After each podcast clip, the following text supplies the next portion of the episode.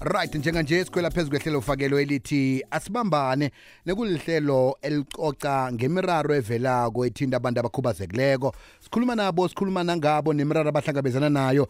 Njeke sinaye emtatweni ubaba uboyzi wakwamkhwanazi.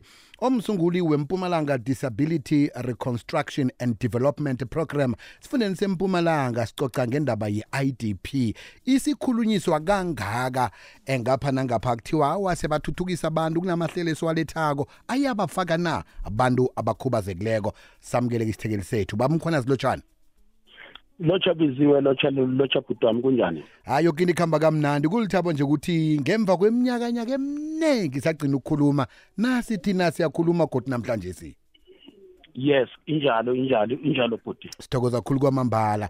Eh baba umkhwanazi ngibawa usazise ngempumalanga disability reconstruction and development program. Iyini? Ikuphi? Ya. Eh biziwe impumalanga disability reconstruction development program yakhiwa nzima. Eh yakhiwa ubhuizwa kamkhwanazi ngenhloso yokubuka yokwenza ama research ukuthi eh, our government eh kunalana esisalela khona emuva in terms of service delivery. Manje uthola ukuthi asikhoni ukuthi siqondisane kahle ekutheni ukuthi sikwazi ukuthi si si si sibonise kahle umasipala. Manje yingako si si si si sizama ukuthi si silethele information ukuze abantu bazokwazi ukuthi babe ne direction because esikutholile sithole ukuthi people with disabilities bahlele emuva ngaso sonke isikhathi ekutheni ukuthi bangakwazi ukuthi babambele line leli elokuthi ke bahambisane nalento le integrated development plan. Integrated eh development plan yile uhlelo umzimba umzimba kamasipala la abaletha khona la abaletha khona izinsiza why sithi kumele ukuthi babalulekile ukuthi kumele bangene babambe ichaza? It's because eh uthola ukuthi kunale inkinga zokuthi abayitholi ama-RDPs abawatholi ama-site izinto izinto ezinjengalezo. And then abakhona uku-attenda kahle kulama-IDP meetings because eh kunalento leyo ukuthi eh lama IDP meetings abasentambama. Manje singabantu abakhubazekile siyaye siloku sikhuluma nabo masipala ukuthi sicela lama special sisicela i-special intention. Ukuthi sibe nale integrated development plan sikwazi ukuthi mhlambe emini baxoxe nathi sikwazi ukuthi singabantu abakhubazekile sonke sikwazi ukuthi sibe nombono. Yazi baba mkhonazi uveza indaba eqakathekileko la. Um ubala wena ukuthi insiza namtjana izenzelwa zomphakathi bafakwa kangangani ekutheni kube ngiba ama-service provider abapha abanye abantu emphakathini?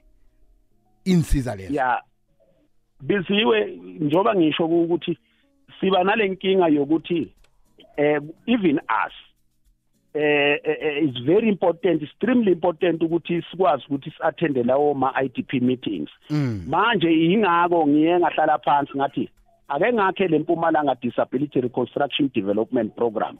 Sikwazi ukuthi sibonise our government ukuthi nawa ama plan wethu besicela ukuthi sikwazi ukuparticipate because kunale section 37 leya kamasipala leshoyo le public participation ukuthi kumele ukuthi sisonke sikwazi ukuthi sibambe lawo maqhaza eh kanye nomphakathi wonke. Singumphakathi wonke but net different. Sikhuluma ngale disability but i disability idinga le special intention because kunama interpreters kunabantu abangaboni ama document kumele abe braille bakwazi ukuthi bakwazi ukubona abantu abane albinism kumele kube nama nama large print ukuze bakwazi ukuthi bafunde ama document ngendlela efanele because i democracy ithi i democracy ithi iyas involve eh sisonke singabantu abasekuhlaleni eSouth Africa. Manje ingako ngithe mina ke ngihlale phansi. Ake ngakhe le disability isebenzile yona le disability reconstruction development program because abantu abaningi sebayayibona i-direction because kunezindlu esezakhiwe around governing big municipality kuyo yonke impumalanga kubohlanzeni enkangala district eh eGersibande district municipality because silandela ugovernment ngemuva Mhm. Yazi baba umkhwanazi nangikhumbula kuhle um ngathoma ukubona iminyakeni emachuma amabili eyadlulako. Benginabo 15 16 eh nami ngingakazi ngendaba eh eziqhakatheke eziqhakathekile kwezi zabantu abakhubazekileko. Ngafunda ngafunda ku ngiyacabanga ukuthi usangikhumbula umsana beke aphasi Yeah, phezulu yeah. nani I- phasi phezulu i- nani eminyakeni yabo 2003 2004 lapho. Manje ngiyabona ukuthi nanje usayibambile. Sola kulungi. Sola kulungi. wena bizi wena biziwe besinawe lapha kumadrama eh senza lama acting eh yizinto e- engayithatha lapho kodwa ke ngithe ngiyabuka eh sekukoseke ukuthi lempumalanga disability reconstruction development program ihlanganise wonke lama DPOs ekutheni ukuthi kuzoba ne direction njengale question yakho ukuthi soloka kulungi it's because vele akulungi ngoba kunalana esilahleka khona nathi kwathina singabantu abakhubazekile. Eh kunalana futhi ugovernment adinga khona iadvice yethu ukuthi ku- ukuze simnike. Ingakho sengihlale phansi ngenza le research ukuthi eh ukuze kulunge eh kumele thina silandele ugovernment ngemuva because ama DPOs eh kunama program ababhizi ngawo. Manje thina ke sifuna ukuthi silandele mina silandela ngemuva ukuthi government phela kusele lapha kabobiziwe lapha akulunganga lapha yana kumele kungene RDP lapha yana u- u- u- ugogo kumele athola ama assistance device. Izinto ezinjengalezo ngoba igovernment nayo iyafuna ukulekelelwa ngoba engikubalekelayo as yebo siyavuma. Akufuneki siloku sirela kakhulu ku government nathi kumele siziveze ukuthi sibone ukuthi senzani. Njeke mlaleli kokwez FM nayikhiphe unomfakela ngesihloko sethu namhla namhlanje ukuthi ke bandakanya bandakanyekani bandakanywani nani endabeni ye-IDP nekokulapho aba eh uhulumende namtjana umasipala aletha insiza ebantwini. Ah baba umkhwanazi ngizokubawa nje ukuthi usiphe inomboro zom zomtato lapha banganithola khona ngombana banengi abantu abafuna ukubandakanyeka kodwa kuyabazi ukuthi bazakuthingaphi eh banengi abantu endaweni ezahlukahlukeneke esifundeni sempumalanga bafuna ukuthi ke baphakamisa amazizo wabo kodwa bazi ukuthi baza kucoca nobani. Ngibawa sikhambe sokuthengisa ngemva kokuthi sithengisile eh wena ke uzasipha imininingwana lapha baza khona ukuthi ke eh banithole khona. Nawe mlaleli onomfakela sibawa ke udose ku 086 000 3278 namtjana uthumela iphimbo lakho ku 079 413 2172 sibone ukuthi uyabandakanyeka na. Yinyanga kamatiba ingorho eyahlala iminyaka emachumi amabili nakhomba ejele ngokungavumelani nemithetho yebandlululo ihlwela ichaphuluko esinayo namhlanje si. There has emerged a cadre of leaders which will not allow that any should be denied their freedom, as we were, that any should be stripped of their human dignity, as we were. hashtag yinyanga kamatiba ebiziwe yeche eh ngikhuluma nosonozipho tefaniteni bethu thubana. Angilotshise nesithekeli sakho ngapho uboys mina njengomhlali wangethembisile manibiziwe nginenkinga njengabantu abaphila nokukhubazeka. Akunaso isikolo sabentwana ngapha ithembisile um ngene ebantwini ebenganalito kuba nzima khulu umntwana nemdela khule aphila nokukhubazeka. Afuna isikolo ukuthuthuka ukuya phambili. Mara nekiwa ngemavotini noma kumathenda bayabafuna abantu abaphila nokukhubazeka. Angazi ukuthi umbuso wethu lo kuberege kanjani njengethembisile manihle khe benzele laba bantu ngoba baningi abantwana emakhaya apha ngibona balila abangazi benzeni abanganahelebho lokuthi baye esikolweni ngiyathokoza biziwe baba umkhwenazi ngiyacabanga ukuthi uyizwile uyidobhile ukuthi baningi abantu abahloga isizo. Banithola njani kuphi nakhona? Ya eh eh strictly before ngizobiza izinamba zami eh biziwe ngifuna ukwazisa abantu. Eh ngi eh, Friday last week ngomhla ka eh ngomhla ka 30 besila ibhetali and then kusasa siya eh I mean Friday siya embalenhle masuka embalenhle siya eKing Ross ngo- ngomhla ka 14 nge21 sigcina endaweni yakho eLendra la esohlanganisa khona abantu abakhubazekile. Kodwa ke abangithole kule number u079 079 7 079796 796 2674 2674 ya ngayibiyelela asiyibuyelele kodwa baba umkhwenazi.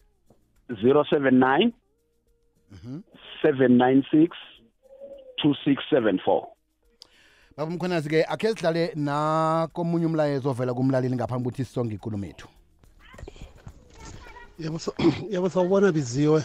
Ngoba umkhwanazi lapho biziwe umorisa wamisi ngadavula kwatshela boziwe yazi kunjani mntakababa le nto ekhulunywa uba umkhwanazi lapho mina yabo. Ngizokutshela wena biziwe and like it's like ah ngizocolisa ukuthi ngiyibeke kaso it's like ayisebenzi into ayikhulumako yabona and manje ngendlela engiyisho ngayona mfethu yabo ngishiso yini? Ngabanye abantu nami abanokukhubazeka kodwa-ke uma abatholakala ukuthi bayasibiza uthola ukuthi basibizela endaweni ethile nabafika kuleyo ndawo leyo kube ukuthi yile nto leyo abayikhulumako iy'thembiso ezingenzeki yabo?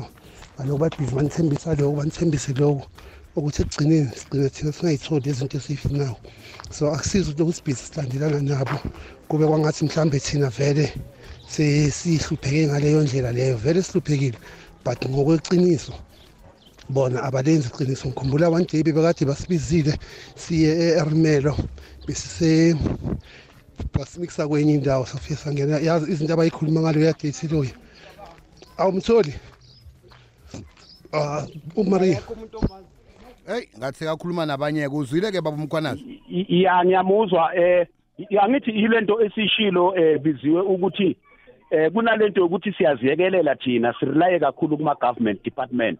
Uqinisile uqinisile yena vele. That's why senze le research ukuthi sifuna ukuthi sibabuthe sizwe ngabo sisebenze sonke. Uqinisile yena ngali because sisuke sihamba nama government department. Manje sesifuna ukuthi sizenzele lezi zinto sikwazi ukuthi simikise izinto sikwazi ukuthi sibasize. Baba umkhwanazi sesiyivala nje ungathanda ukudlulisa amezwi athini? Kibo bonke abantu abakhubazekileko nalabo abahlala nabantu abakhubazekileko emakhaya. Ngisasho namanje eh bizi ukuthi masingayisukumeli thina sizoba neproblem. Baba umkhwanazi siyathokoza mani sakunande sibuya kini khe sizwe bona eh iragelo phambili likhambe kangangani. Thank you baba. Sithokoza khulu kwamambala besikhulumisana naye.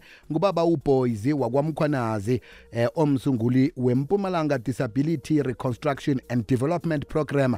Nguye umsunguli wayo eh, kazi-ke inomboro azibizileko ngezithi 079 eh, 796 2674 kwenzela ukuthi uthole isizo na ukhona ukuthi eh, ubuze lapho ungakhona ukuthi ubuze khona. Uthole isizo oluhlogako ulapho khona ikani usesifundeni sempumalanga. Siba nalo leli hlelo-ke qobe kungelesithathu ngalesi sikhathi. Khwalini ubiziwa kwamasango king b king biziwe.